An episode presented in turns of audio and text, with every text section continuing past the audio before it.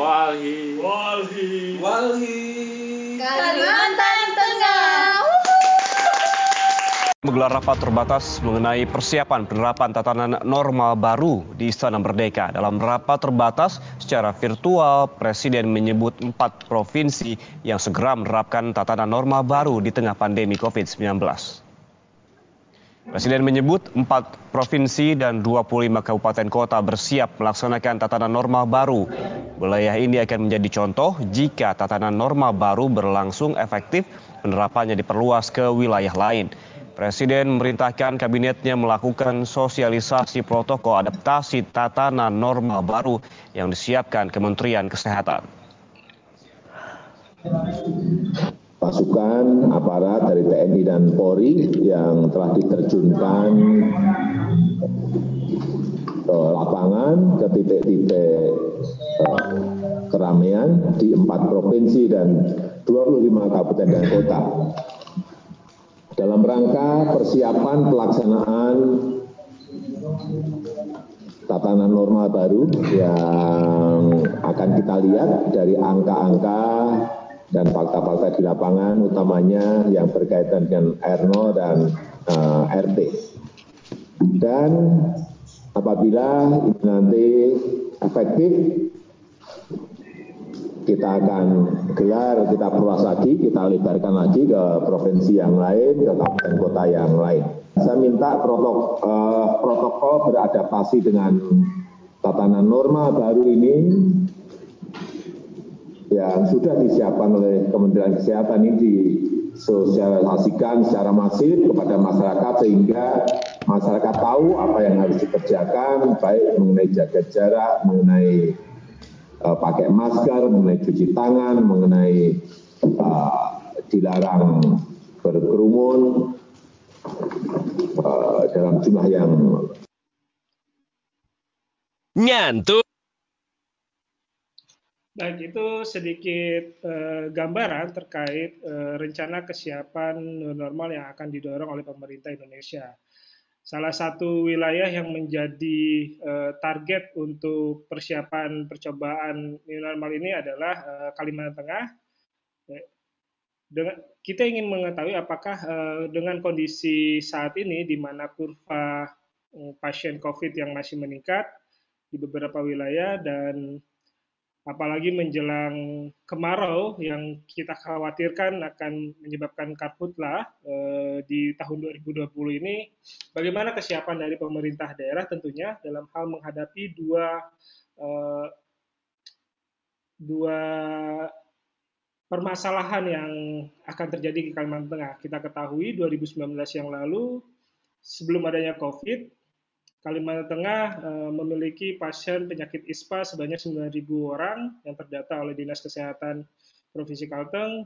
Nah, apakah, bila itu terjadi, bagaimana uh, strategi yang akan dibangun oleh pemerintah uh, daerah, mengingat kurva COVID yang masih sangat tinggi, yang terus meningkat tiap hari, dan kemungkinan-kemungkinan yang akan terjadi ketika karhutla nanti. Mungkin itu dari saya. Silakan Bang Aldo selaku moderator untuk um, menghandle jalannya diskusi ini. Terima kasih. Oke, makasih Bang Dimas. Uh, selamat siang teman-teman semua. Selamat siang Bapak Ibu juga uh, narasumber siang ini. Webinar kali ini kita akan banyak membahas tentang Kalteng siapkah melaksanakan normal baru atau new normal Uh, sudah ada tiga narasumber pada hari ini. Yang pertama ada Pak Alpius Patanan dari Badan Penanggulangan Bencana dan Pemadam Kebakaran Provinsi Kalimantan Tengah. Lalu ada Ibu Irma Hidayana dari Kawal COVID-19. Lalu ada Pak Janang Firman dari Panitia Kerja COVID-19 uh, Walhi Kalimantan Tengah. Uh, webinar kali ini yang diselenggarakan oleh Walhi akan saya coba pandu saya sendiri Aldo, perkenalkan. Ya, saya jurnalis Kompas yang bertugas di Kalimantan Tengah. eh, masing-masing pembicara akan diberikan waktu 8 menit untuk memaparkan materinya. Nanti kita akan banyak berdiskusi. Teman-teman peserta yang ingin memberikan pertanyaan di bawah itu ada kolom Q&A, ada kolom Q&A bisa langsung memberikan pertanyaan di situ. Eh, pertanyaan-pertanyaan nanti mungkin akan saya bacakan dan teman-teman apa narasumber juga sebenarnya bisa langsung menjawab juga kalau ada pertanyaan yang tidak sempat saya bacakan langsung di kolom Q&A. Jadi bisa bisa mengetikkan jawabannya di sana nanti uh, apa kalau ada pertanyaan yang tidak saya bisa bacakan. Oke, langsung ke narasumber pertama ada Pak Janang dari uh, Panitia Kerja COVID-19 Walhi Kalimantan Tengah yang akan memberikan paparannya. Silakan, Mas Janang. Waktunya 8 menit ya, Mas. Kalau ada paparan ya. yang mau di-share, silakan langsung share script. Saya berikan waktu dan kesempatannya. Di unmute dulu, Mas. Ya. ya. Oke, kedengaran? Ya. Oke, baik. Terima kasih atas kesempatan yang diberikan dari moderator. Nah, pada kesempatan sore hari ini, saya da, uh, dari Panitia Kerja COVID uh, Darurat Ekologi COVID-19 Walhi uh, akan menyampaikan beberapa hal uh, terkait uh, siapkah Kalimantan Tengah untuk menghadapi new normal di uh, tahun 2020 ini. Nah, saya akan coba paparkan saya sudah siapkan paparan.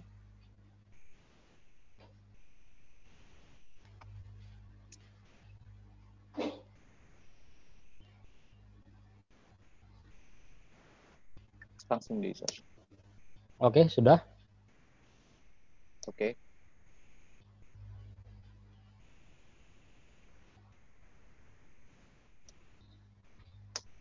Iya. Oke, baik. Kita hari ini akan berbicara terkait apakah Kalimantan Tengah sudah siap untuk menuju new normal. Nah, di sini di pembahasan yang pertama akan saya sampaikan bahwa eh, terkait kesiapan untuk menghadapi pandemi sendiri, itu ada beberapa hal yang perlu diperhatikan oleh kita semua, terutama untuk masyarakat Kalimantan Tengah, karena uh, tidak sedikit, uh, tidak tidak banyak sebenarnya pada sampai saat ini yang kita lihat bahwa masyarakat pun mengetahui sejauh mana upaya yang sudah dilakukan oleh pemerintah dan juga apa-apa saja sebenarnya yang dilakukan selama masa pandemi atau kesiapan seperti apakah yang sebenarnya menjadi uh, hal yang menjadi sorotan kita untuk uh, menghadapi pandemi ini.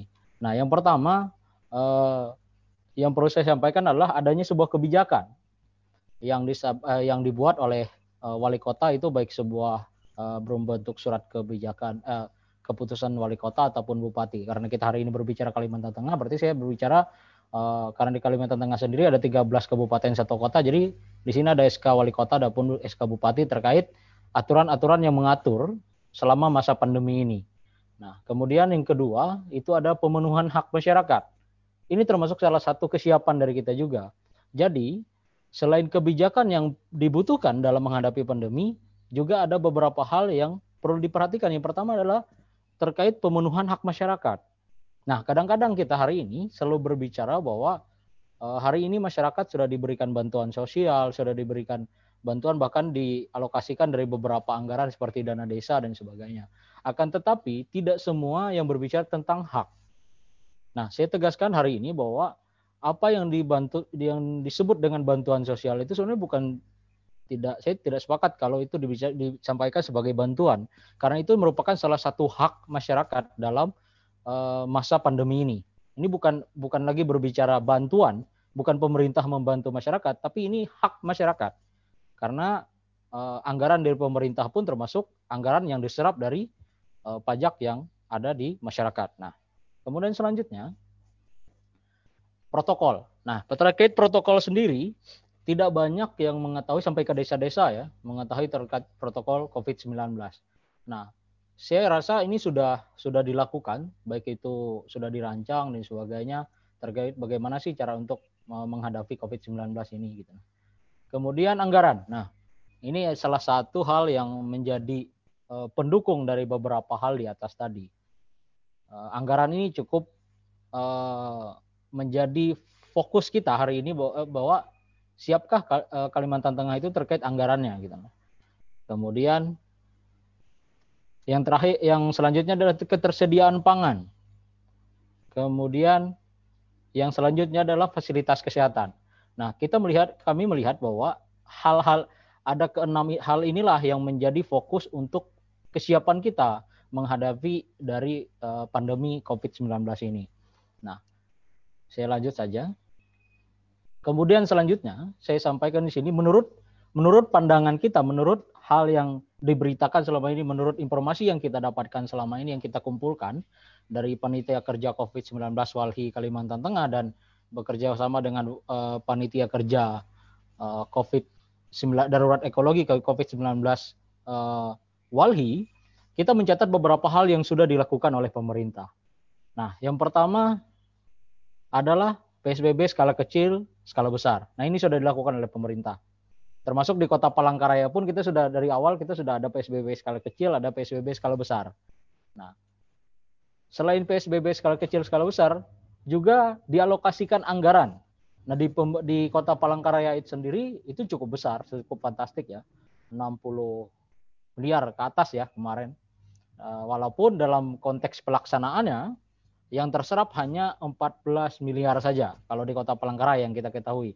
Karena di Kalimantan Tengah yang sudah menerapkan PSBB yang sudah adalah kota Palangkaraya. Nah, walaupun kemarin ada beberapa informasi yang menyatakan bahwa Kuala Kapuas Kabupaten Kolak Kepuas dan Kabupaten Barito Timur sedang uh, akan diusulkan untuk melaksanakan PSBB. Nah, jadi alokasi anggaran ini cukup besar juga. Nah, jadi kenapa ini sudah dialokasikan? Nah, ini untuk mendukung dari proses kegiatan yang berlangsung selama ini. Selain itu, yang kita lihat pemerintah juga sudah melakukan penyemprotan disinfektan. Nah, penyemprotan disinfektan ini bukan hanya uh, pemerintah dana dari pemerintah saja, tapi juga menggalang dukungan dari beberapa ormas ataupun uh, dari uh, memberikan himbauan kepada RT, RW, kecamatan untuk melakukan penyemprotan. Ini yang sudah dilakukan oleh pemerintah. Kemudian selanjutnya adalah sosialisasi.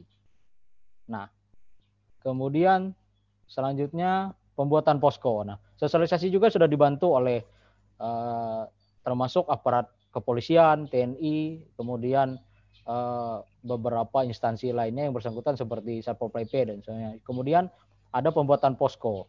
Posko ini misalkan di beberapa titik-titik itu sudah ada gitu. Ini sudah dilakukan oleh pemerintah. Kemudian selanjutnya ada ruang isolasi. Nah, ruang isolasi di sini juga sudah ada kalau di Kalimantan Tengah. Nah, kemudian uh, selanjutnya adalah penyediaan APD, hand sanitizer, tempat cuci tangan, ruang publik, alat pengukur suhu tubuh dan sebagainya. Bahkan ini juga kalau di Kota Palangkaraya kan eh, kemarin wali kota sudah eh, langsung sigap di hari pertama sudah terdeteksi bahwa ada COVID-19 langsung menyediakan seperti eh, apa tempat cuci tangan di ruang publik. Nah kalau di kabupaten-kabupaten yang lain saya masih belum menemukan itu gitu. Kalau APD tentunya ada di beberapa rumah sakit, walaupun di beberapa kecamatan masih ada beberapa yang masih belum maksimal penyediaan APD-nya. Kalau hand sanitizer tentunya ini yang yang sering menjadi uh, gejolak juga di masyarakat karena uh, sempat kekurangan juga hand sanitizer bahkan ada inisiatif-inisiatif untuk membuat hand sanitizer uh, sendiri gitu nah. Nah, ini tingkat keamanan hand sanitizer yang dibuat sendiri ini seperti apa juga ini kita masih belum mengetahui apakah ada pemerintah memberikan atau menyampaikan bahwa hand sanitizer yang bagus itu seperti ini. Nah, ini siapa tahu nanti Ibu Irma yang bisa memberikan apa ya pandangan soal ini karena uh, kalau dari kita sendiri kita tidak tahu mengenai standar ini seperti apa. Kemudian tiga menit lagi ya bang ya. Oh, oke okay, siap ya. siap. Selanjutnya saya akan berbicara kondisi Kalteng hari ini. Nah, Kalteng hari ini menurut data yang saya sampaikan di sini dari uh, apa websitenya coronakalteng.go.id bahwa di Kalimantan Tengah sendiri cukup uh, apa cukup tinggi uh, peningkatan dari uh, yang uh, terkena positif COVID-19. Nah, kita tidak tahu dengan angka yang semakin meningkat ini apakah juga semakin berbarengan juga dengan upaya yang sudah dilakukan oleh pemerintah. Ini pentingnya keterbukaan informasi publik juga di dalam hal ini. Nah, selanjutnya yang perlu saya tekankan dalam hal ini dari terkait data ini kalau kita menuju pada new normal. Nah, kalau kita menuju new normal, berarti pertanyaannya hari ini, ketika kebijakan new normal ini benar-benar dilaksanakan, yang pertama adalah upaya apa? Upaya strategis pemerintah Provinsi Kalimantan Tengah untuk mempersiapkan ini. Nah ini masih belum ada tergambarkan di kita. Yang kita tahu bahwa di ruang publik hari ini hanya disampaikan sekian anggaran untuk corona, sekian bansos yang sudah tersalurkan. Tapi upaya strategi seperti apa yang akan dilakukan oleh pemerintah? Kapan itu akan dimulai dilakukan? Kemudian bagaimana upaya yang bisa dilakukan sampai saat ini? Ini menjadi catatan dari kita dan ini apakah ini juga ini kurang tersebar di masyarakat apa yang sebagainya bahkan terakhir kemarin kita dapat informasi bahwa pemerintah daerah e, menyatakan bahwa pemerintah provinsi menyatakan bahwa siap untuk melaksanakan tidak hanya normal tapi akan melaksanakan pemilu. Nah, ini untuk menghadapi ini tentunya bagaimana upaya yang akan dilakukan? Upaya strategi seperti apa? Ini perlu adanya e, dari e, pemerintah untuk bisa menyampaikannya. Nah, kemudian ada tantangan. Nah, ini menjadi jawaban eh, tantangan menjadi pertanyaan dan menjadi hal yang akan menjadi uh, harus yang menjadi uh, fokus kita ke depan. Nah ini catatan dari saya karena waktu saya terbatas. Ya. Nah, yang pertama ada menit terkait... lagi lah ditambahin nih mas. Oke siap siap. Ini slide terakhir juga. Ini disiplin ya. Terkait peningkatan disiplinnya seperti apa. Kemudian keamanan pada ruang publik. Kemudian yang selanjutnya adalah bagaimana tes kesehatan. Nah sampai saat ini apakah dengan anggaran yang cukup besar di Kalimantan Tengah itu sudah tercukupikah tes kesehatan atau rapid test atau swab itu kepada masyarakat? Nah, ini apakah sudah terpenuhi semua dan berapa jumlahnya kita kita hanya bisa memantau di corona.co.id tadi. Kemudian selanjutnya keterbukaan informasi publik terkait pelaksanaan anggaran termasuk uh, bagaimana informasi yang lainnya terkait proses penanganan dari uh, atau persiapan dari new normal ini sendiri. Kemudian selanjutnya yang terakhir ini karhutlah ada duet maut seperti tulisan Bang Edo sebelumnya di, di, di harian Kompas. Ada duet maut tantangan Kalimantan Tengah ke depan. Yang pertama adalah COVID-19, kemudian yang selanjutnya adalah karhutla. Ini seperti apa duet pemerintah menyikapi dari uh, duet maut ini sendiri. Nah, saya rasa ini menjadi sebuah topik yang akan kita uh, perbincangkan dalam sesi diskusi nanti dan nanti mungkin kalau ada yang menanggapi dari pembicara yang lain, nah ini menjadi fokus dari kita sebagai uh, yang ada di uh, Panja COVID-19 di Walhi Kalimantan Tengah. Saja saya rasa Oke. itu saja. Terima kasih. Ya. Makasih Mas Janang. Udah ini jembatannya udah kelihatan jembatan diskusinya karena pembicara keduanya adalah Pak Alpius Patanan dari uh, Badan Penanggulangan Bencana dan Pemadam Kebakaran. Uh, kata terakhirnya itu yang mungkin bisa diambil soal duet maut nih. Kalteng bersiap untuk new normal beberapa kabupatennya, tetapi di satu sisi kita punya bencana tahunan yaitu uh, kebakaran hutan dan lahan. Mungkin saya jelasin sedikit ba uh, Badan Penanggulangan Bencana dan Pemadam Kebakaran ini kalau di provinsi lain itu BPBD ya Pak Alvis ya. Aku manggilnya Bang aja lah biar lebih nyantai. Karena sering ketemu narasumber andalan lah. Ya, Bang, mungkin bisa dijelasin dikit Bang uh, dalam materinya soal duet maut bencana ini apakah pemerintah sudah menyiapkan langkah-langkahnya dan seperti apa. Saya berikan waktu 8 menit untuk Pak Alpius dari Badan Penanggulangan Bencana dan Pemadam Kebakaran Provinsi Kalimantan Tengah. Silakan, Pak. Terima kasih, Bang Aldo. Assalamualaikum warahmatullahi wabarakatuh. Waalaikumsalam. Waalaikumsalam. Teman-teman semua yang saya hormati, Mbak Irma, Dimas, Mas Dimas, Mas Janang, dan yang lainnya.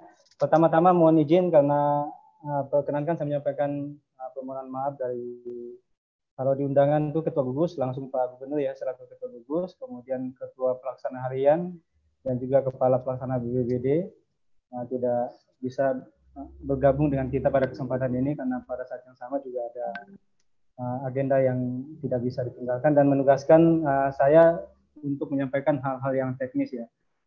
Uh, mungkin kalau dari segi pembukaan tadi dari Mas Janang sudah lumayan lumayan berat gitu, sepertinya gitu ya. Tetapi uh, dalam beberapa menit ke depan, kalau dibilang tadi 8 menit, mudah-mudahan mungkin bisa lebih lebih panjang sedikit waktunya untuk bisa menyampaikan uh, beberapa hal. Yang pertama, uh, saya akan menyampaikan apa yang sudah kami siapkan. Uh, yang pertama berbicara tentang tatanan kehidupan baru, uh, kami mengulang apa yang sudah disampaikan oleh Presiden dan juga disampaikan kembali oleh Ketua Gugus Provinsi Kalimantan Tengah dalam hal ini Bapak Gubernur bahwa uh, tatanan kehidupan baru bukan berarti kita menyerah atau kalah dalam penanganan COVID-19, tetapi kita harus mengubah perilaku dengan kebiasaan-kebiasaan baru sesuai dengan protokol kesehatan sehingga kita semua tetap dapat produktif dan aman dari COVID-19. Nah ini menjadi hal yang penting untuk uh, kita memahami bahwa memang saat ini kita belum punya vaksin dan obat untuk penanganan COVID, sehingga mau tidak mau untuk bisa tetap produktif dan juga bisa tetap aman dari COVID-19, maka protokol kesehatan harus menjadi bagian dari kehidupan kita hari lepas hari. Kemudian yang kedua, eh, apa yang telah dilakukan oleh pemerintah Kalimantan Tengah dalam penanganan COVID? Eh, pada saat tanggal 17 itu kita sudah menetapkan status siaga, kemudian ketika ada dua yang konfirmasi positif, provinsi itu menetapkan status tanggap, Kemudian di dalamnya ada gugus tugas yang melaksanakan tugas. Kemudian saat ini kita dalam perpanjangan dan karena COVID-19 sudah ditetapkan sebagai bencana nasional, maka penanganan akan tetap dilakukan sampai dengan pengakhiran dari bencana itu eh, yang dilakukan oleh Presiden melalui keputusan Presiden. Kemudian eh, langkah-langkah apa yang sudah dilakukan ya. Jadi mudah-mudahan ini bisa memberikan juga uh, informasi kepada kita semua, kepada seluruh masyarakat Kalimantan Tengah apa yang sudah dilakukan oleh pemerintah, baik itu pemerintah provinsi maupun pemerintah kabupaten kota. Uh, yang pertama tentu ada sosialisasi dan edukasi, baik itu melalui jalan keliling, dan di dalam jalan keliling ini kita juga melibatkan organisasi kemasyarakatan, kemudian pemasangan poster dan baliho pada tempat-tempat yang strategis dan berbagai upaya lainnya. Kemudian mitigasi, sebagaimana yang sudah disampaikan tadi, salah satunya adalah penyemprotan disinfektan, kemudian penyiapan tandon pada uh, fasilitas publik, kemudian upaya-upaya lainnya yang kita lakukan, baik itu juga di dalamnya adalah pembagian masker.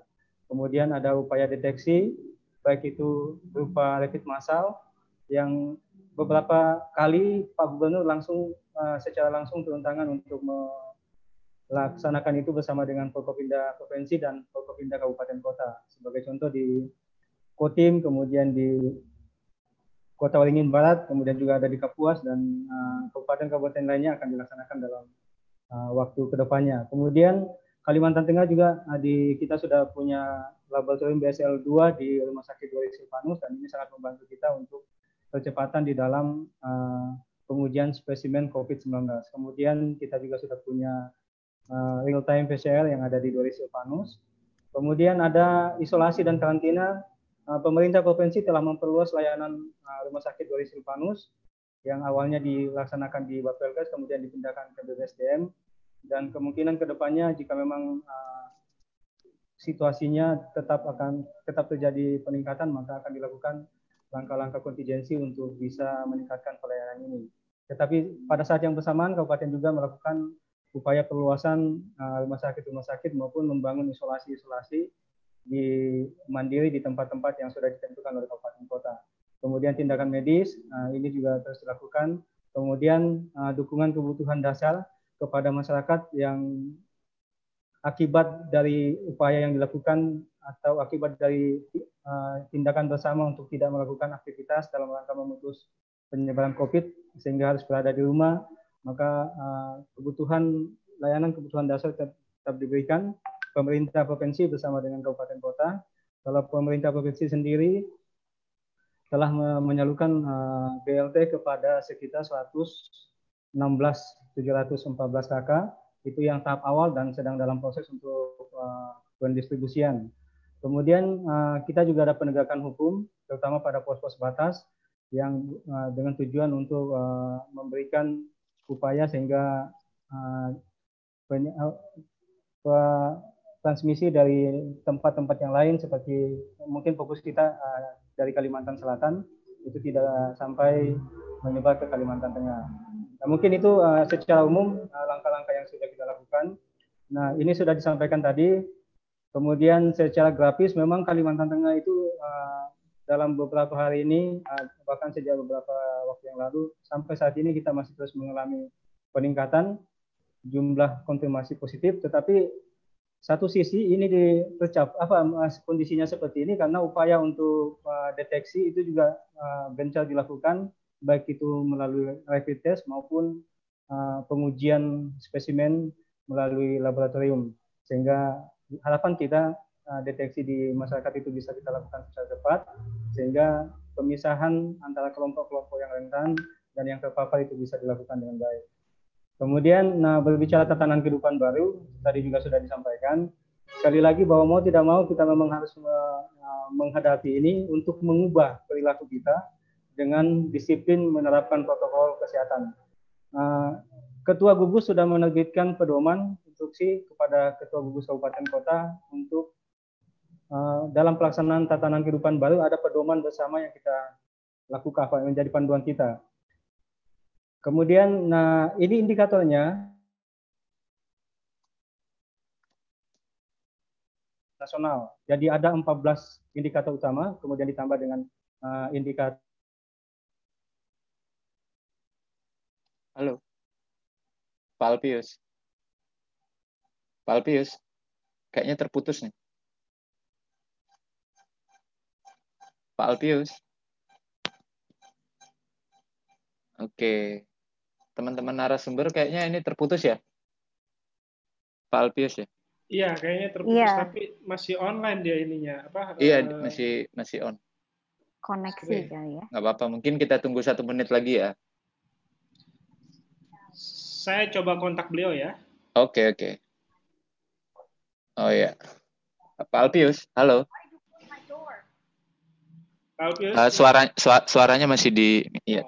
Oh. Ya, putus ya tadi ya? Iya, sempat terputus sam tadi itu uh, sampai di indikator, sampai di indikator uh, new normal tadi. Oh ya. Okay. Dari sisi epidemiolog dan itu. A aku ya? masih ada waktu masih ada waktu tiga menit pak. Silakan oh, pak. Oke. Okay. Uh.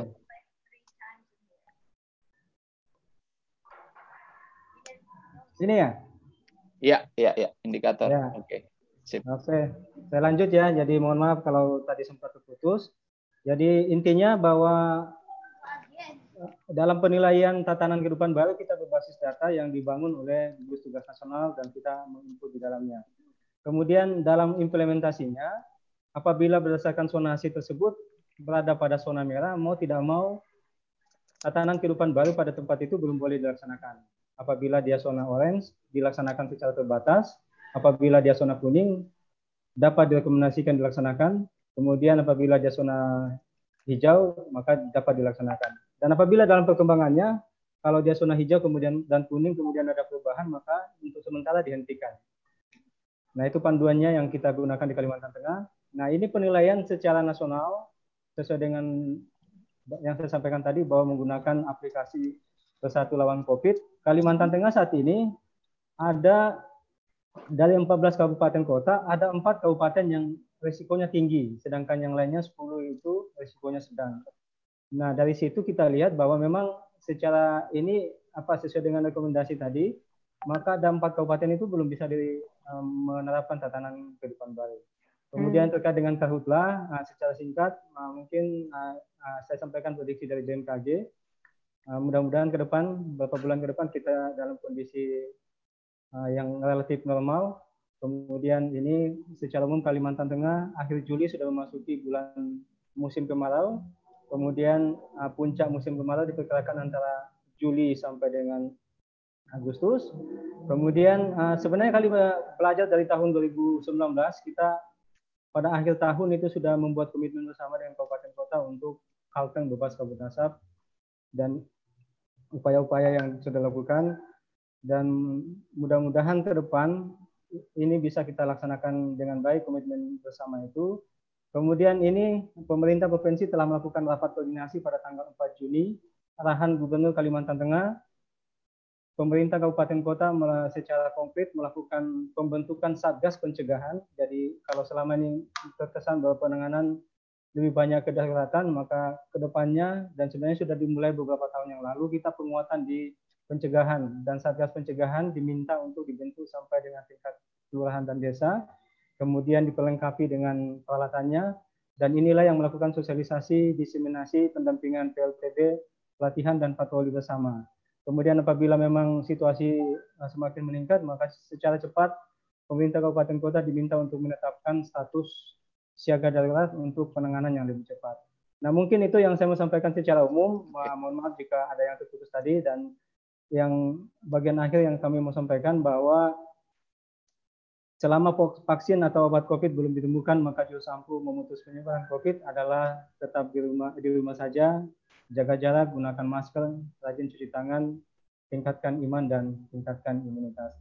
Nah, itu yang mungkin kami mau sampaikan pada kesempatan ini. Mohon maaf jika ada hal-hal yang kurang berkenan. Nanti mungkin kalau ada hal-hal yang perlu didiskusikan, nanti kita uh, bisa berdiskusi lebih lanjut. Terima kasih, Oke. Mas Aldo. Ya, makasih Pak Alpius. Uh, makasih banyak paparannya tadi udah dijelaskan dan itu menja apa uh, sebagian menjawab pertanyaannya Mas Janang ya soal langkah-langkah strategis. Tapi pasti akan banyak timbul pertanyaan-pertanyaan lanjutan yang akan kita bahas di sesi diskusi nanti. Oke, 8 menit berikutnya saya akan langsung berikan kesempatan ke Ibu Irma Hidayana untuk memberikan materinya. Mungkin karena Ibu Irma ini memang bidangnya adalah kesehatan masyarakat, mungkin beliau bisa lebih banyak ngomong sebenarnya seperti apa sih uh, kehidupan normal baru itu. Apakah itu bisa diterapkan di Indonesia dengan situasi yang sekarang? Silakan Bu Irma, kesempatannya 8 menit.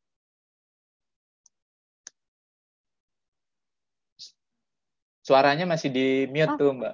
Oke, ya. oke, oke. Nih, udah ya. ya. Oke, terima okay. kasih Mas Aldo, uh, Mas Janang, uh, Pak Bang Alpius. Tadi manggilnya udah Bang soalnya. Iya, udah Bang. uh, uh, terima kasih. Saya mau share screen dulu, tapi mungkin saya tidak akan banyak mengelaborasi dari ini.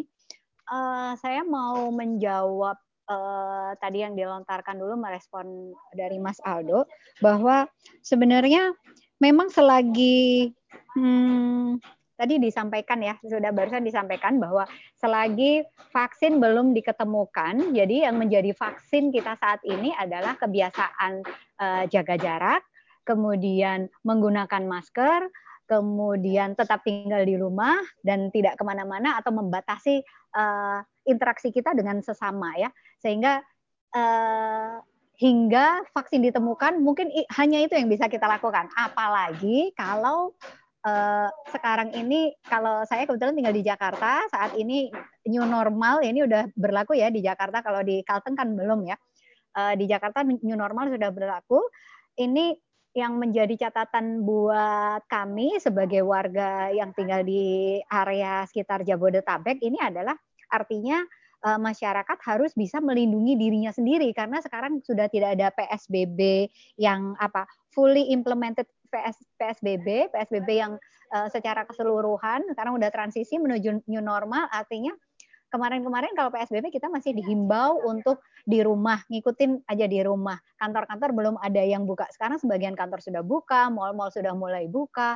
Kemudian kita lihat uh, stasiun-stasiun sudah mulai penuh angkutan sudah mulai penuh, jalanan sudah mulai macet. Nah, padahal kasusnya tuh masih bertambah terus. Bahkan peningkatan kasus kan akhir-akhir ini itu um, mencapai pernah mencapai lebih dari seribu uh, sekitar 800 dan lain sebagainya. Jika kita lihat ke uh, grafik kasus di uh, website gugus tugas itu mungkin bisa kelihatan bahwa pertambahan kasusnya itu masih kurang lebih masih sama lah kurang lebih dengan sekitar awal-awal uh, Maret ya ketika masa-masa di pertama kali virus uh, corona ini diketemukan di Indonesia.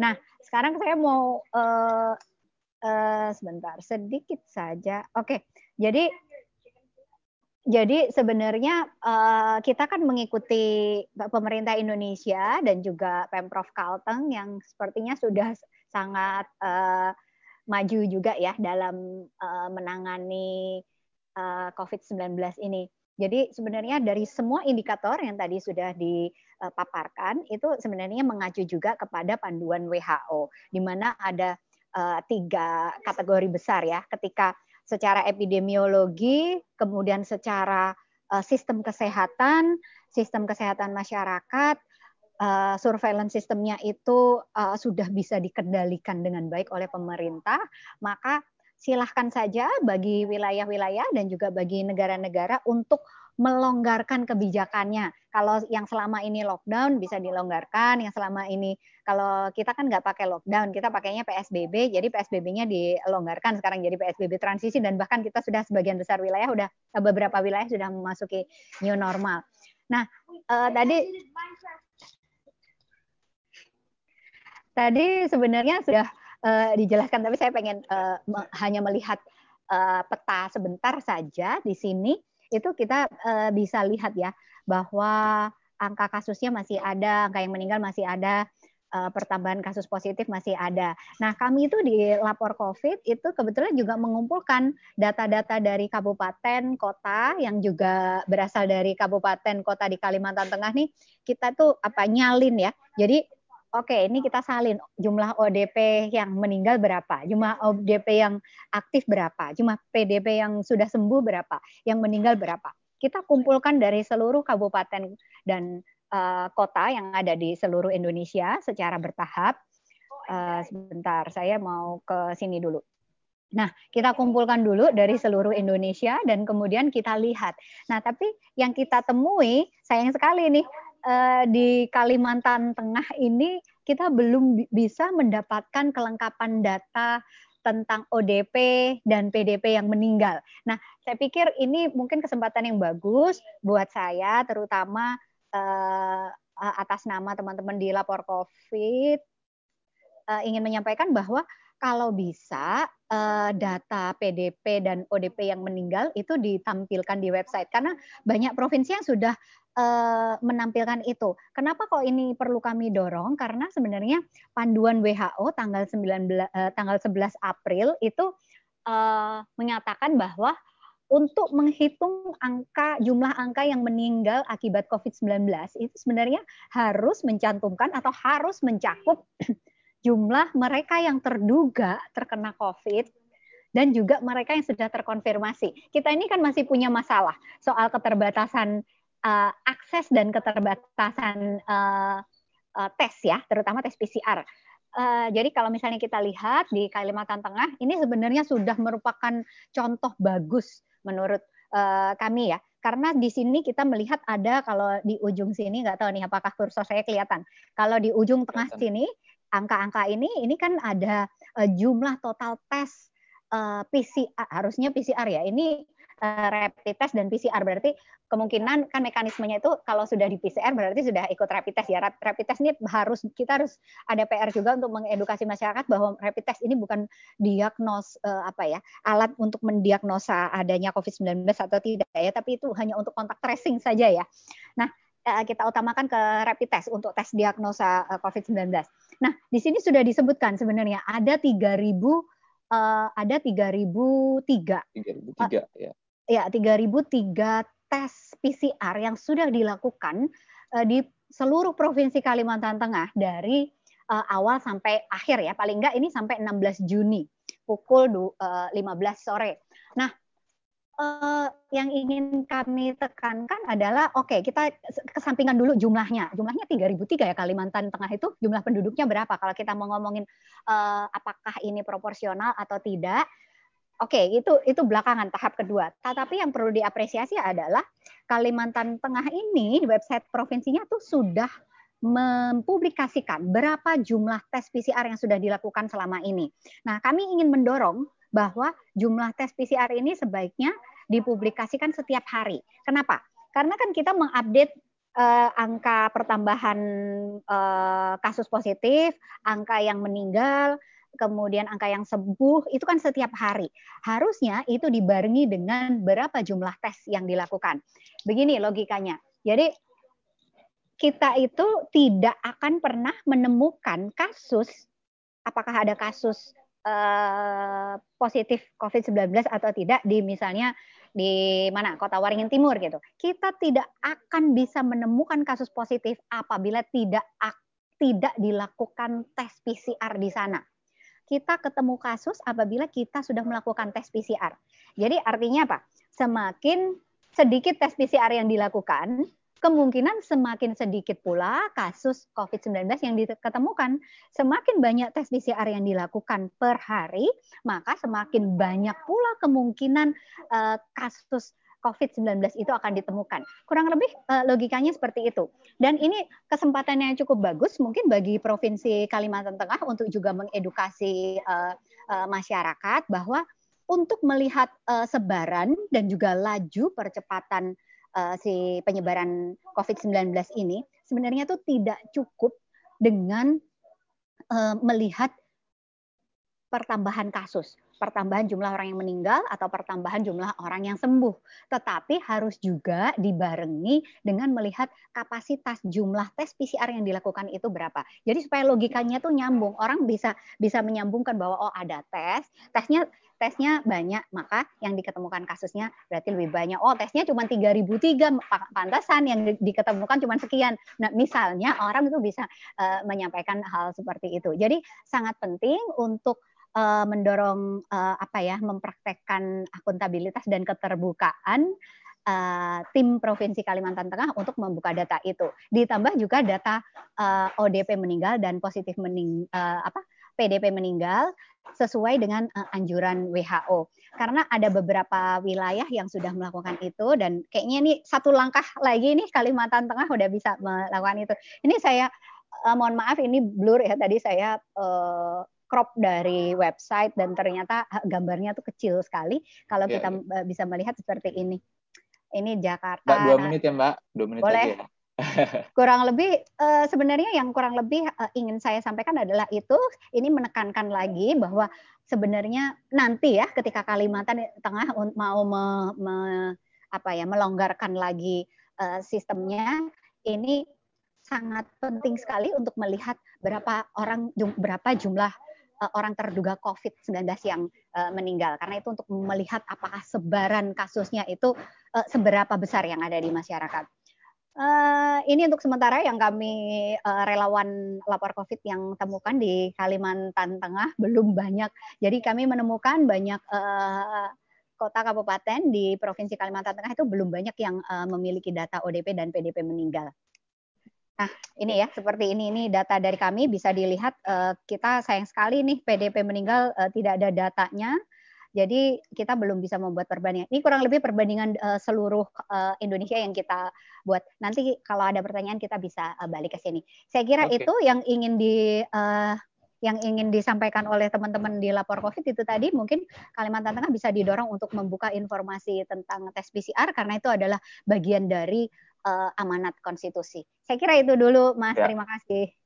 Makasih Mbak Irma aku kebetulan aku juga relawannya lapor covid loh mbak jadi dengan beberapa teman-teman wartawan ya memang kami juga ada kendala dalam pengumpulan data apalagi PDP mungkin nanti bisa di, langsung ditanyain ke Pak Alpius tuh dan tadi di apa di materinya Pak Alpius juga udah ada uh, jumlah uh, eh, PDP yang meninggal ya Pak ya iya Oke. Okay. Okay. Karena kita uh, webinar kali ini itu streaming di YouTube dan juga Facebooknya Walhi Kalimantan Tengah sudah ada beberapa tanggapan dan juga pertanyaan sebenarnya dari uh, apa audiens streaming di Facebook itu kayak dari Pak Joko Anggoro ini mungkin bukan pertanyaan tapi lebih ke masukan untuk pemerintah bahwa dari kurva menunjukkan bahwa Kalimantan Tengah itu masih berada di fase abnormal nih bukan bukan new normal tapi abnormal ya jadi lebih baik uh, kita fokus pada uh, penurunan angka kasus positif dulu ini sebenarnya sama pertanyaan besarnya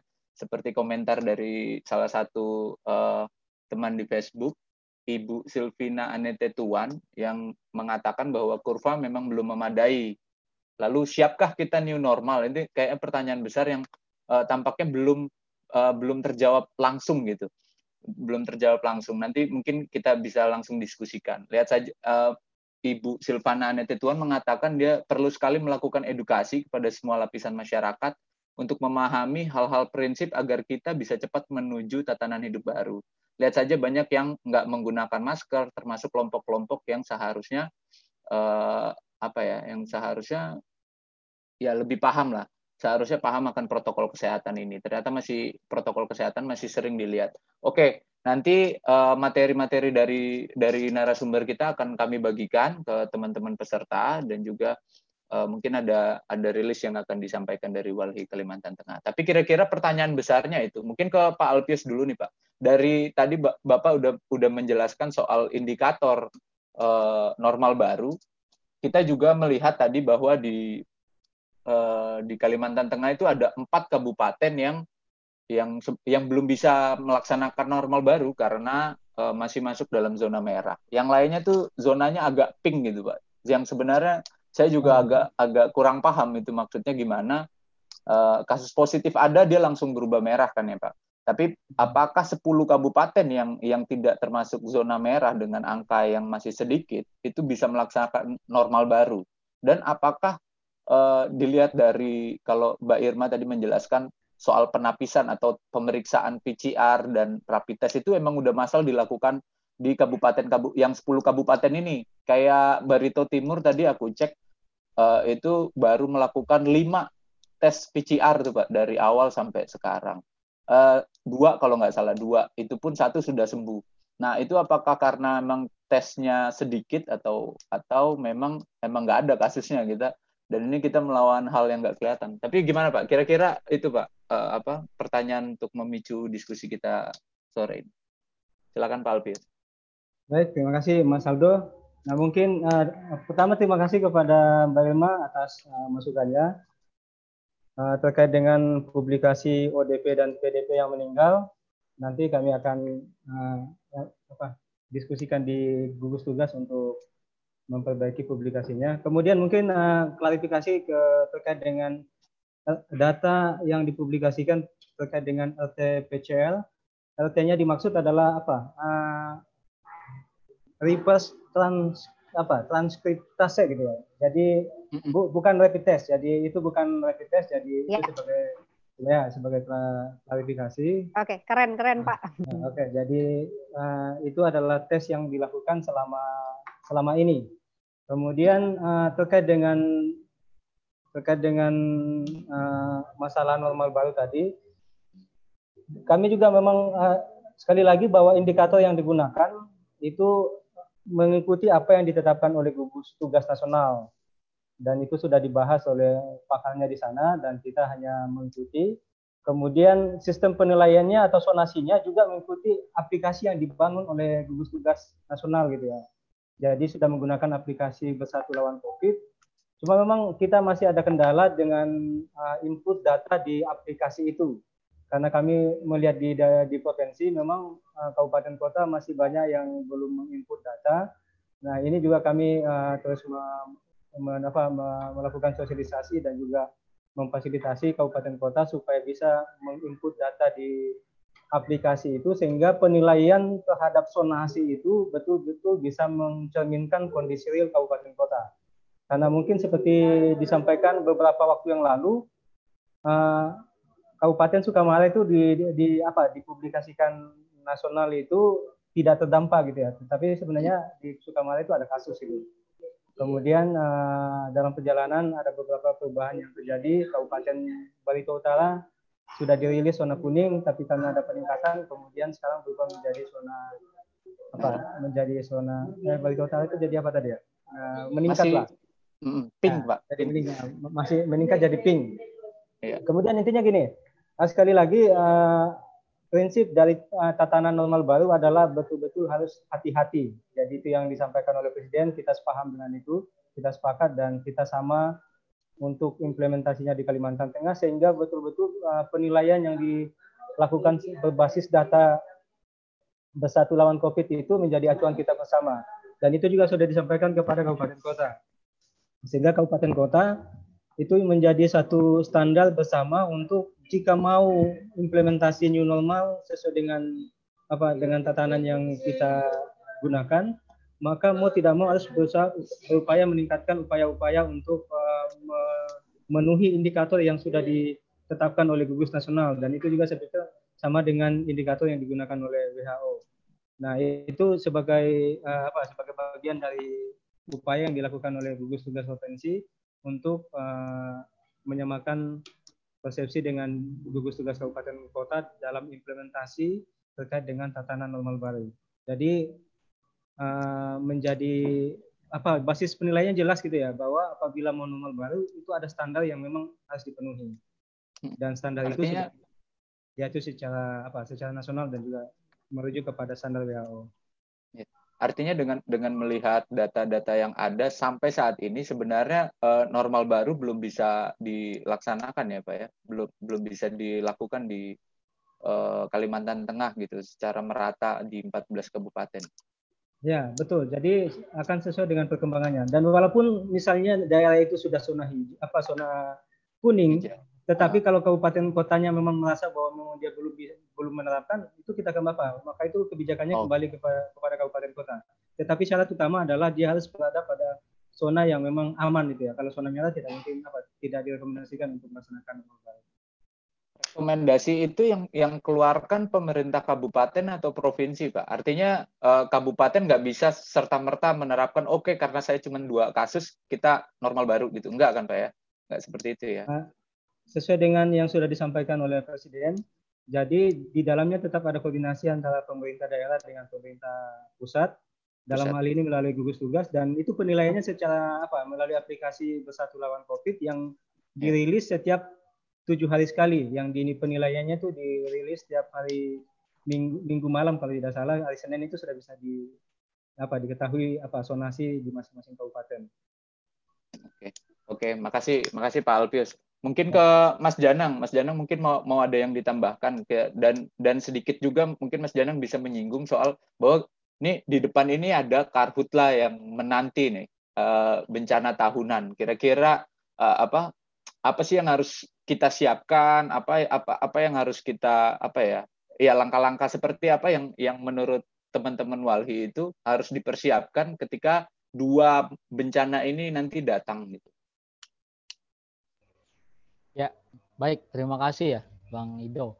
Nah, ini terkait karhutla, kenapa juga saya juga ada sentil juga di uh, di uh, bahan paparan saya tadi terkait karhutla. Nah, kita masih belum tahu sampai sekarang bagaimana kesiapan terkait karhutla ini. Nah, kalau persiapan terkait karhutla ini kan mitigasi bencananya seperti apa?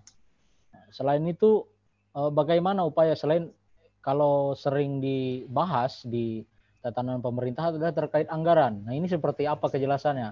Apakah anggaran di di Karhutla nanti itu emang sudah terpotong oleh pen, uh, untuk untuk penanganan COVID ini atau seperti apa? Nah kita masih belum tahu. Nah ini uh, penting untuk menjadi, menjadi uh, fokus kita atau menjadi pertanyaan kita hari ini. Kemudian selanjutnya selain uh, anggaran terkait kesiapan di beberapa daerah untuk mempersiapkan karhutla ini karena apabila dalam minggu-minggu ini juga ini sudah mulai nih cuaca-cuaca eh, cuaca di Kalimantan Tengah sudah mulai panas cukup tinggi ya walaupun ada beberapa kali hujan. Nah, ini seperti apa? Nah, tentunya kalau dari Walhi sendiri memandang bahwa perlunya ada sebuah keterbukaannya tadi ada keterbukaan informasi publik tadi. Nah, keterbukaan informasi publik terkait proses penanganan seperti apa yang semestinya apakah ada kebijakan dari pemerintah untuk melakukan apa untuk me, me, melakukan uh, upaya yang dilakukan untuk menghadapi duet maut ini. Nah, itu sih kalau menurut dari kita juga. Selain itu, uh, saya juga lupa menyampaikan tadi uh, waktu di paparan saya juga tadi saya ada sentil juga.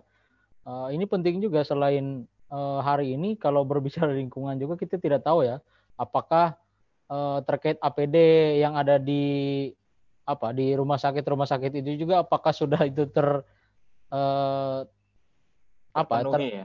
terpenuhi ya atau apa apakah sudah terpenuhi kemudian APD pasca apa limbah-limbah APD itu apakah sudah tertangani dengan baik itu kita masih belum tahu ya nah itu sih yang eh, yang menjadi eh, hal yang bisa saya sampaikan terima kasih Oke, makasih Mas Janang. Ini ada satu pertanyaan ini dari Pak Joko Anggoro. Aku aku ulang lagi teman-teman uh, peserta yang baik di streaming di Facebook maupun di uh, YouTube mungkin bisa memberikan pertanyaan nanti teman-teman panitia akan melemparnya di kolom Q&A atau kolom chat. Ini ada Pak Joko Anggoro ada pertanyaan tapi di kolom chat nggak apa-apa aku aku tanya aja, aku bacakan aja. Kalau teman-teman peserta ada yang mau bertanya silakan ada di kolom Q&A itu bisa langsung diketik aja di situ. Oke, ini mungkin Pak Alpius ini yang bisa jawab ini Pak uh, sebenarnya udah udah udah udah ada di paparannya Pak Alpius tadi saat ini dia Pak Joko Anggoro bertanya saat ini itu uh, Palangkaraya itu statusnya apa ya Pak?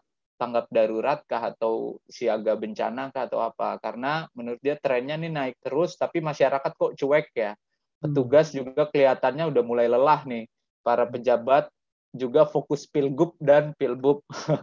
Oke, dan aku yakin Pak Alpius BPBD ini kan sebagian besar SDM-nya itu masuk di tim gugus uh, tugas penanganan COVID-19. Lalu di satu sisi juga masih melakukan rapat-rapat koordinasi untuk karhutla nih yang udah pasti akan apa me, uh, memforsir tenaganya begitu besar gitu Pak? Mungkin Pak Alpis bisa jawab sekaligus mungkin curhat juga silakan Pak. Gak, gimana sih situasinya di di apa situasi di di kantor Bapak lah gitu misalnya ini menghadapi uh, apa uh, COVID dan dan dan uh, bencana karhut persiapan untuk antisipasi bencana karhutla itu gimana Pak? Mungkin bisa cerita dikit Pak. Oke, terima kasih Mas Aldo. Jadi terkait dengan pertanyaan uh, Palangka itu statusnya seperti apa? Kalau dari segi kebencanaan itu uh, Palangkaraya, Palangkaraya itu statusnya masih tanggap darurat ya. Tetapi dengan adanya deklarasi bencana nasional maka secara otomatis uh, seluruh wilayah Indonesia itu statusnya adalah tanggap darurat penanganan COVID-19. Kemudian dari segi penilaian sesuai dengan aplikasi bersatu lawan COVID, uh, Kota Palangka saat ini penilaiannya adalah risiko tinggi, risiko tinggi penyebaran COVID-19 dengan statusnya statusnya terdampak. Jadi kalau risiko tinggi berarti dia masuk di dalam level 4 atau zona merah. Sehingga memang secara penilaian dari segi uh, risiko dia memang beberapa langkah memang masih tidak direkomendasikan untuk melaksanakan tatanan kehidupan baru. Nah, walaupun demikian uh, ada beberapa uh, sektor atau ada beberapa aktivitas yang dinilai uh, tidak terlalu berisiko tinggi itu sesuai dengan penilaian itu bisa melakukan apa bisa tetap melaksanakan aktivitasnya ini. Kemudian terkait dengan karhutla, mungkin uh, terkait dengan karhutla karena hari ini juga kita berbicara karhutla.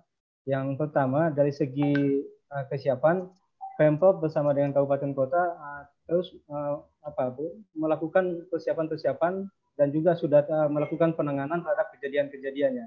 Jadi walaupun dalam saat ini kita menghadapi COVID, tetapi teman-teman dari semua stakeholder, TNI, Polri, kemudian BPBD, Manggala Agni, Dinas Kehutanan, KPH, uh, selalu merespon apabila ada kejadian, apabila ada kejadian kebakaran, sehingga itu uh, respon cepat supaya tidak mengalami eskalasi peningkatan. Kemudian uh, juga saya sudah sampaikan tadi bahwa tanggal 4 Juni kemarin kita sudah melaksanakan rapat koordinasi dengan seluruh kabupaten kota dan Gubernur sudah menyampaikan arahan supaya untuk memperkuat upaya pencegahan dan kabupaten sudah diminta untuk uh, memperkuat uh, satgas pencegahan sampai dengan tingkat kelurahan, tingkat desa atau kelurahan gitu ya.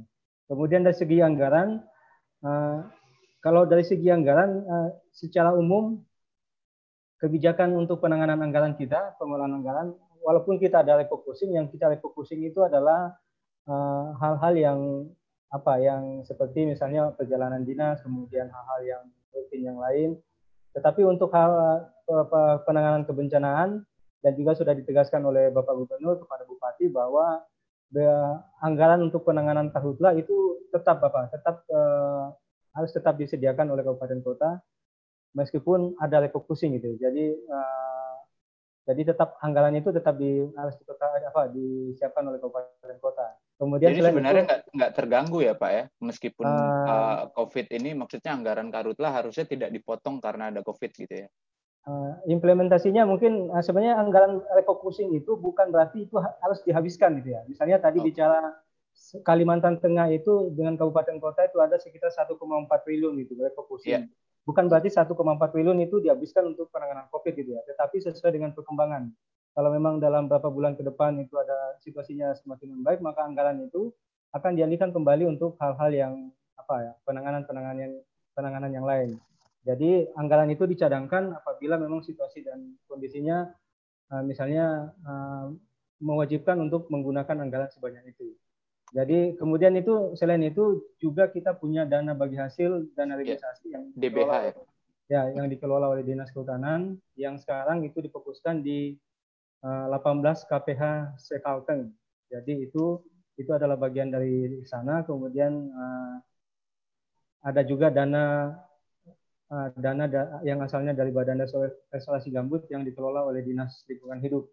Ya. Nah, upaya-upaya itu juga sudah dilaksanakan sekarang yang melibatkan masyarakat, pembahasan-pembahasan uh, lahan gambut itu sudah ya. uh, dalam persiapan untuk menuju ke sana. Sudah berjalan ya Pak. Oke. Ya. Artinya artinya dari sisi anggaran sebenarnya harusnya tidak ada masalah ya karena ya, uh, ya karena anggaran itu apa sudah banyak keringanan dari dari uh, Kemendagri untuk melakukan refocusing dan refocusing itu juga tidak semuanya kan kita angkanya fantastis tuh Pak. 1,4 triliun itu sangat besar dibanding provinsi mana pun di Pulau Kalimantan ini gitu.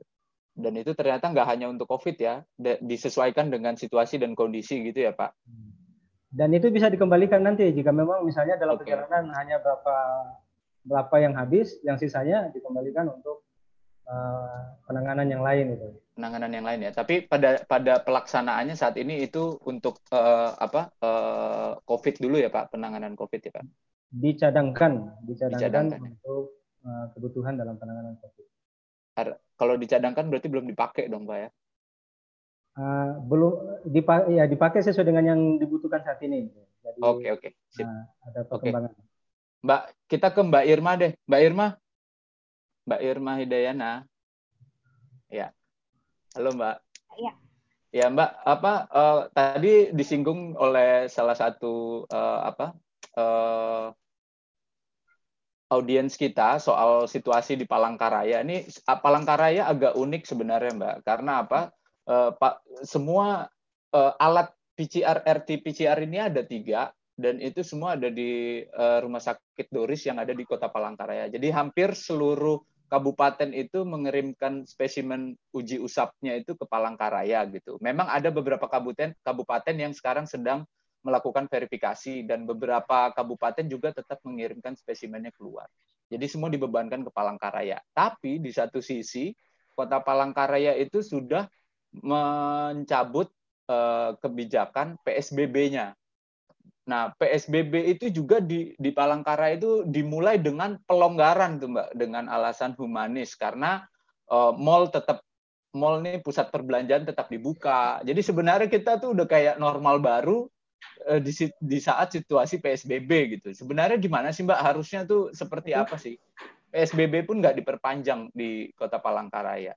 Kalau dari catatan-catatan Mbak Irma, apakah dengan dengan dengan apa eh, penanganan atau situasi yang seperti itu ada potensi uh, apa ya potensi kayak gelombang kedua akan datang lagi gitu Mbak? Atau gimana Mbak? Silakan. Oke, terima kasih. Bang Alpius, mohon izin ya Bang. mohon izin dulu. Uh, cukup menarik ya sebenarnya kalau PSBB sudah dilonggarkan, PSBB tidak diperpanjang, sementara uh, se sebenarnya tren ini kalau boleh berkomentar, ini kan yang memang terjadi secara umum di Uh, semua wilayah yang ada di Indonesia ya karena mungkin ini sudah menjadi kebijakan pemerintah pusat. Bahkan sebelumnya kan kalau menurut kami di lapor Covid dan juga di koalisi masyarakat sipil yang peduli dengan Covid-19 uh, kami merasa bahwa memang ini sudah didesain ya dari pemerintah pusat uh, bahwa uh, narasi yang pertama itu kan kita harus berdamai melawan uh, yeah. virus corona itu ya. Uh, tanpa di harusnya kan disertai dengan edukasi makna berdamai itu uh, seperti apa tetapi yang uh, yang disampaikan yang justru kena di masyarakat itu berdamai dengan virus corona seolah-olah jadi kita bisa hidup berdampingan, kemudian eh, baik-baik uh, saja gitu ya. Itu yang terjadi uh, misleading yang terjadi di masyarakat. Jadi ketika wacana berdamai ini diumumkan pertama, beberapa saat kemudian hidup berdampingan ya, kemudian lalu uh, mulailah masuk uh, apa kebijakan tatanan baru new normal gitu ya. Jadi seolah-olah ini udah inline ya tatanan baru new normal, kemudian dibarengi dengan peluncuran beberapa kabupaten kota yang tidak terdampak hijau, kuning, merah dan lain sebagainya.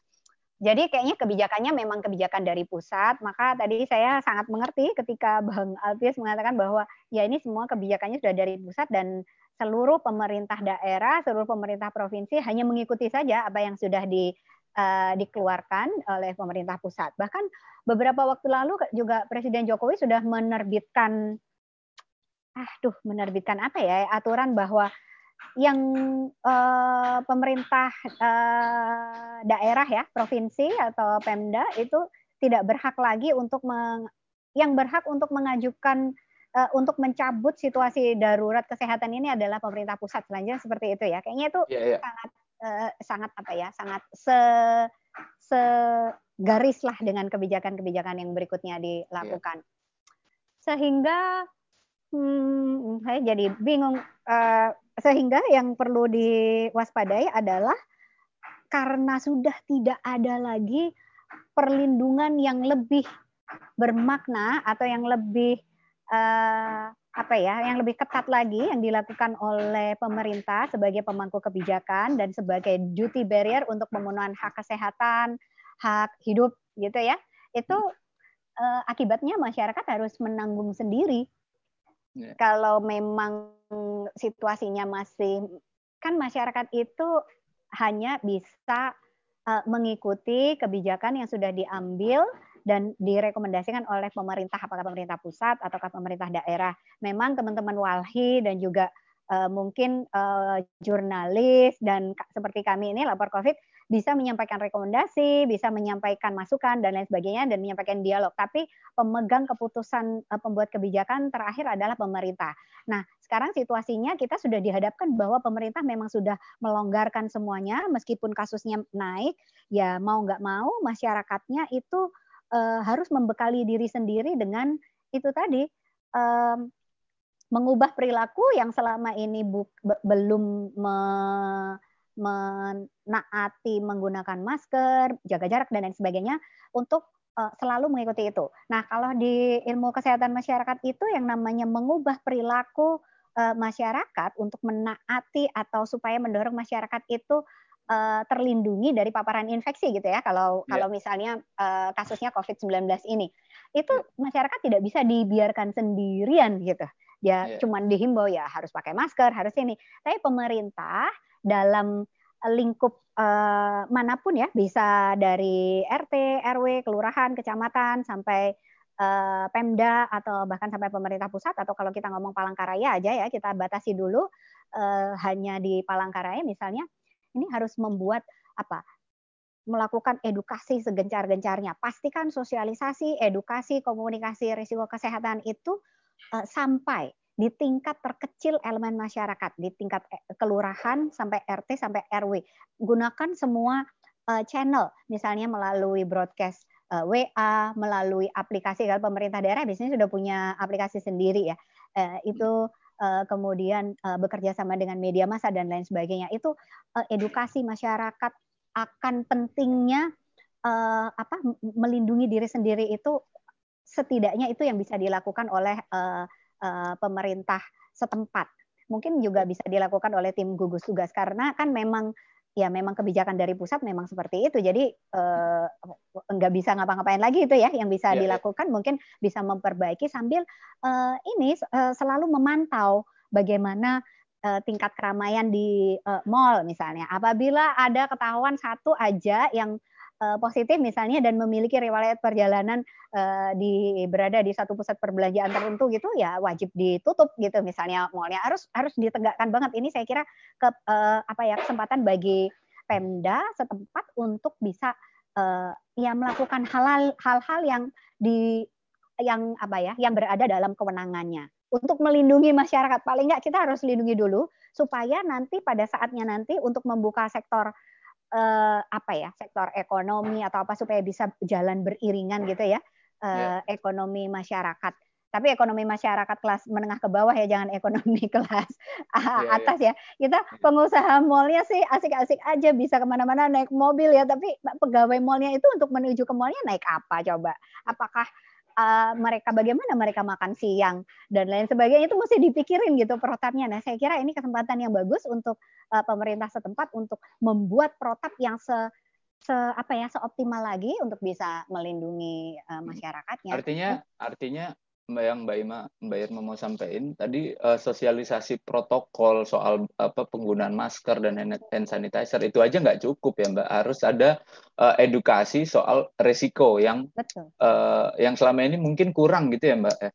Saya kira sih seperti itu ya. Ini kan mm-hmm. ini sebenarnya bukan hanya terjadi kalau misalnya kita konteksnya ngomongin Kalimantan Tengah, sebenarnya nggak mm-hmm. hanya terjadi di sana di yeah, yeah, yeah saya yang tinggal di area Jabodetabek nih tetangga kiri kanan saya saya kebetulan tinggal di Tangerang Selatan ya ini tetangga hmm. kiri kanan saya juga masih banyak yang tidak engah kenapa kok kita harus pakai masker jadi kan ini hmm. menunjukkan bahwa apa uh, gap edukasi uh, ke masyarakat itu masih jadi PR yang utama dan uh, uh, kesempatan bagus untuk di Kalimantan Tengah ya misalnya atau di uh, Kota Palangkaraya untuk ini melibatkan komponen masyarakat.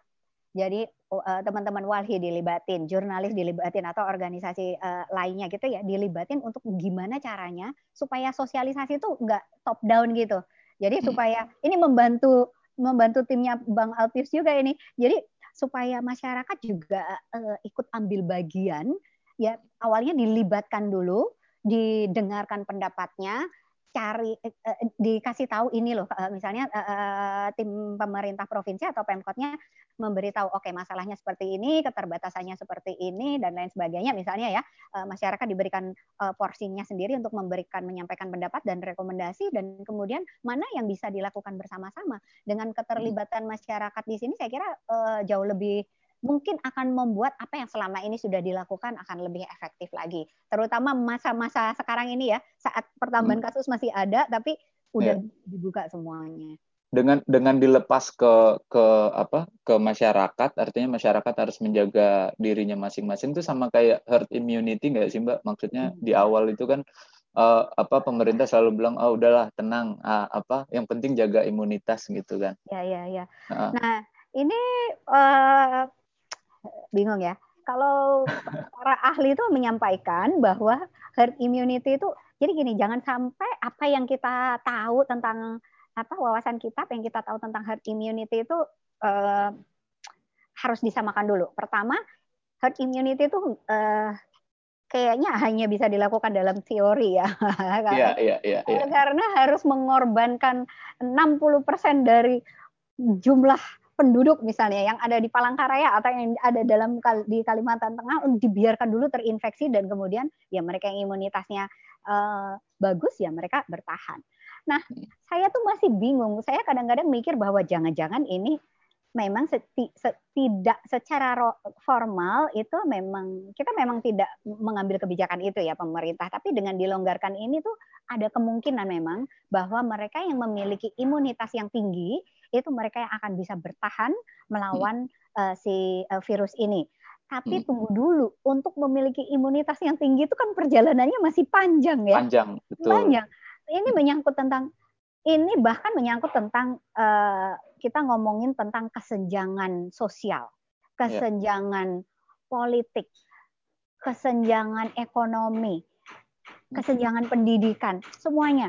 Jadi mereka yang mereka yang uh, tidak memiliki kesempatan untuk mencukupi kebutuhan pokok ya, kebutuhan makanan yang bergizi, makan bergizi aja nggak mampu, ya otomatis mereka memiliki uh, potensi yang lebih rentan untuk uh, terinfeksi corona ketimbang yang misalnya uh, apa misalnya um, mas uh, siapa ya uh, pegawai negeri gitu yang sudah punya uh, gaji tetap setiap bulan uh, sudah punya atau uh, yang bekerja di swasta yang memiliki gaji bulanan sudah dipastikan bisa memiliki akses kepada makanan yang bergizi seimbang yang cukup setiap hari, punya kesempatan dan waktu untuk uh, berjemur. Bagaimana dengan orang yang harus bekerja uh, apa ya bekerja uh, misalnya harian pembantu rumah tangga gitu? Yang ya? yang non formal ya mbak ya? Betul, yang non formal yang setiap hari harus pergi misalnya nggak punya kesempatan, nggak punya privilege untuk oke okay, saya berjemur dulu deh ada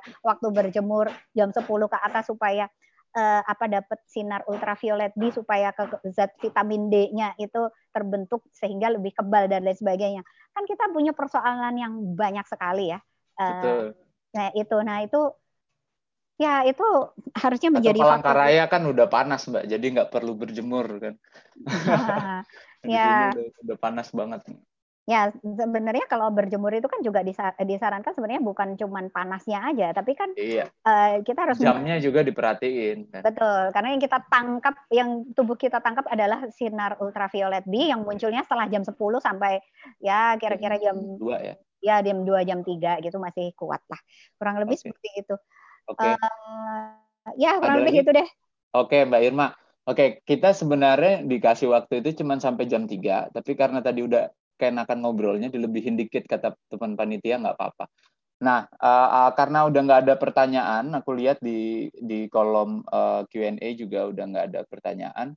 Tapi sebelum kita tutup webinar kita kali ini, aku kasih kesempatan untuk teman-teman narasumber 2 sampai 3 menit lah masing-masing untuk memberikan closing statement atau juga rekomendasi eh, kira-kira di bawah tema uh, siapkah Kalteng untuk melaksanakan uh, normal baru, tata hidup tata kehidupan baru. Aku mulai dari Mas Janang. Silakan Mas Janang, closing statement dan juga rekomendasinya. 2 sampai 3 menit ya Mas ya. Oke, terima kasih. Kurang boleh lebih jangan. Oke. Oke. Oke, langsung saja. Oke. Untuk saya yang pertama untuk menghadapi new normal dan menjadi sebuah evaluasi dalam masa pandemi ini, yang pertama pemerintah agar bisa mendorong untuk peningkatan uh, kebutuhan terkait pangan itu mendorong mendorong yang pertama adalah terkait pangan lokal. Karena ini menjadi benteng terakhir kita. Nah, Kemudian yang selanjutnya adalah bagaimana kita bersama juga untuk menyikapi tantangan duit maut eh, selain masa pandemi ini juga ada juga masa nanti akan eh, menghadapi karhutla. Nah ini penting bagi kita bersama ke depan untuk memikirkan bagaimana selain upaya untuk menanggulangi, tapi kita juga bagaimana untuk mem mem membuat suatu kebijakan untuk memenuhi hak-hak masyarakat yang terkena dampak dari pandemi ini dan juga nanti akan ter, terkena dampak dari karutla, misalkan seperti masker yang standar seperti apa dan sebagainya. Saya rasa itu saja dari saya. Terima kasih. Oke, makasih Mas Janang. Langsung ke Pak Alpius, Pak. Mungkin ada closing statement uh, atau rekomendasinya, silakan Pak, dua menit. Oke, ya. terima kasih Mas Aldo. Jadi mungkin uh, kalau dari saya yang kami mau sampaikan dari Gugus bahwa uh, mengenai tatanan kehidupan baru Eh, pemerintah Provinsi Kalimantan Tengah dalam posisi eh, hati-hati untuk menerapkan itu. Itulah kenapa kita betul-betul uh, kriteria yang sudah ditentukan oleh pusat itu menjadi rujukan kita. Apabila memang suatu daerah itu masih zona merah, itu kita tidak rekomendasikan untuk memulai normal baru. Jadi suatu daerah betul-betul harus dalam posisi yang aman, resiko apa zona hijau atau zona kuning untuk memulai suatu tatanan, apa masa tatanan kehidupan baru. Dan apabila dalam perjalanannya terjadi eskalasi peningkatan kasus, maka kita akan melakukan penghentian sementara. Sekali lagi karena tujuan kita bahwa uh, keselamatan dari masyarakat Kalimantan Tengah itu menjadi prioritas untuk uh, implementasi ke depannya. Kemudian terkait dengan karhutla, kita Provinsi Kalimantan Tengah bersama dengan pemerintah kabupaten kota uh, sudah mengambil langkah-langkah untuk persiapan dan juga penanganan yang sudah dilakukan saat ini dan kita berdoa sesuai dengan juga data dari BMKG semoga tahun ini kita boleh melewatinya dengan baik dan Kalteng bebas kabut asap itu bisa kita wujudkan bersama. Dan peran dari semua kita semua, dari teman-teman media, dari teman-teman NGO, kemudian dari semua pihak itu menjadi salah satu bagian yang menguatkan kita untuk bersama-sama melewati masa pandemi dan menghadapi uh, kebakaran hutan dan lahan dengan baik. Mungkin itu dari saya. Terima kasih. Ya. Makasih banyak Bang Alpius. Aku nih jadi Sama-sama. formal banget kalau Pak ini. Oke. Ya. Langsung ke Mbak Irma, Mbak. Silakan, Mbak. Ada statement okay. penutup dan juga re rekomendasinya itu, Mbak. Yang penting, Mbak. Silakan, Mbak. Oke, terima kasih uh, Mas Aldo. Uh, saya sebenarnya senang banget ini diajakin kesempatan diskusi dan uh, kesempatan untuk bertemu dengan uh, Bang Alpius ya. Saya mau nitip aja tadi ya mungkin Bang Alpius perwakilan Gugas ya. Uh, membuka data ODP, PDP yang meninggal mungkin bisa dipublikasikan di website provinsi dan direkomendasikan ke semua uh, website uh, kabupaten kota kabupaten dan kota yang ada di Kalimantan Tengah, kemudian uh, mendorong uh, apa ya uh, partisipasi masyarakat supaya bisa lebih aktif lagi gitu untuk bersama-sama dengan tim gugas untuk ini mengantisipasi ya sekarang normal yang baru yang sudah diterapkan dan juga apabila nanti uh, diterapkan juga di seluruh uh, provinsi Kalimantan Tengah. Saya kira itu sih sebenarnya yang perlu yang ingin kami dorong dari uh, lapor Covid itu adalah pemerintah yang terbuka, transparan dan kemudian membukakan uh, uh, transparan uh, terhadap data dan informasi terkait uh, pertambahan kasus dan juga angka kesembuhan terkait COVID-19 serta uh, pelibatan uh, masyarakat yang mungkin lebih apa ya lebih nggak cuma sekadar ngundang tapi benar-benar diskusi uh, mendalam terus melakukan kerja-kerja bareng. Ini mungkin bisa dilakukan terutama untuk itu tadi edukasi uh, masyarakat menghadapi tatanan kehidupan baru new normal yang nampaknya nanti lama kelamaan pasti akan um, diterapkan di seluruh Indonesia. Dan mungkin ya satu lagi buat kita semua sebelum vaksin ditemukan, mari kita sama-sama uh, menjaga kesehatan kita, pakai masker ke mana-mana, jaga uh, limit interaksi sosial dan juga uh, saling ngingetin gitu ya uh, kepada sesamanya. Saya kira itu. Terima kasih banyak. Oke, maka, terima kasih banyak uh, Mbak Irma. Teman-teman uh, semua, itu kira-kira uh, webinar kita hari ini di bawah tema Kalteng siapkah new normal. Saya nggak akan mengambil kesimpulan, silakan teman-teman mengambil kesimpulannya masing-masing. Sudah menurut aku ini diskusi yang sangat menarik hari ini dan uh, tiap pemateri sudah memberikan pandangan dan juga uh, gambaran kira-kira seperti apa new normal itu, apakah Kalteng sudah siap atau belum.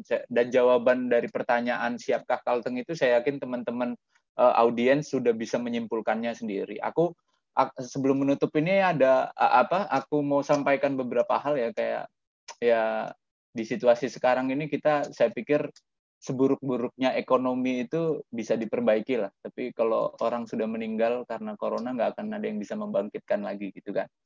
Ya, terima kasih kepada semua narasumber, kepada teman-teman panitia, kepada audiens yang sudah setia uh, selama satu jam lima uh, 19 menit kita bersama. Kita akan jumpa lagi di webinar-webinar berikutnya. Uh, Wali Kalimantan Tengah juga akan menyiapkan berbagai macam tema untuk uh, persiapan kita ke depan. Uh, kira-kira begitu.